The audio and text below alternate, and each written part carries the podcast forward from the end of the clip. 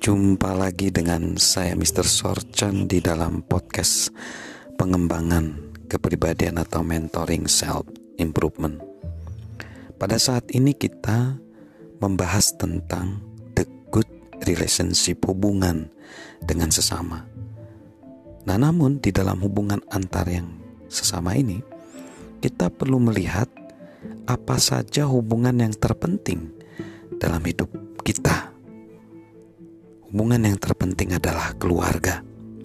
Jika hubungan dengan keluarga kita beres, membangun hubungan dengan semua hal yang lain pun akan lebih mudah.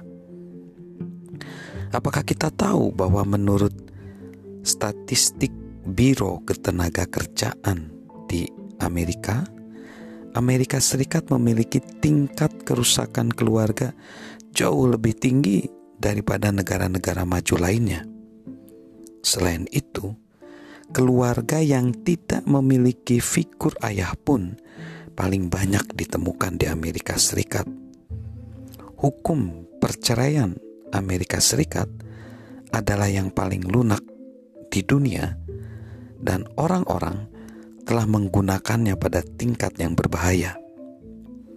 Bagi beberapa orang, mengejar kesuksesan sama artinya dengan mengorbankan pernikahan dan keluarga.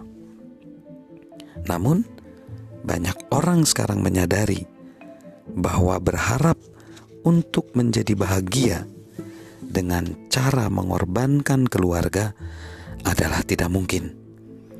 Kita tidak bisa mengorbankan pernikahan atau mengabaikan anak-anak kita namun memperoleh kesuksesan yang sesungguhnya. Membangun dan mempertahankan keluarga yang kuat menguntungkan kita dalam segala bidang. Hal ini pun membantu kita menjadi sukses. Lebih dari beberapa puluh tahun yang lalu, ahli kehidupan keluarga Nick Stinnett menegaskan ketika kehidupan keluarga Anda kuat, Anda menerima pesan bahwa diri Anda itu penting, dikasihi, dan diperhatikan. Menerima kasih, cinta, dan respek dengan positif akan memberi sumber daya dalam diri kita untuk mengatasi kehidupan dengan lebih sukses. Salam good relationship dari saya, Mr. Sorchan.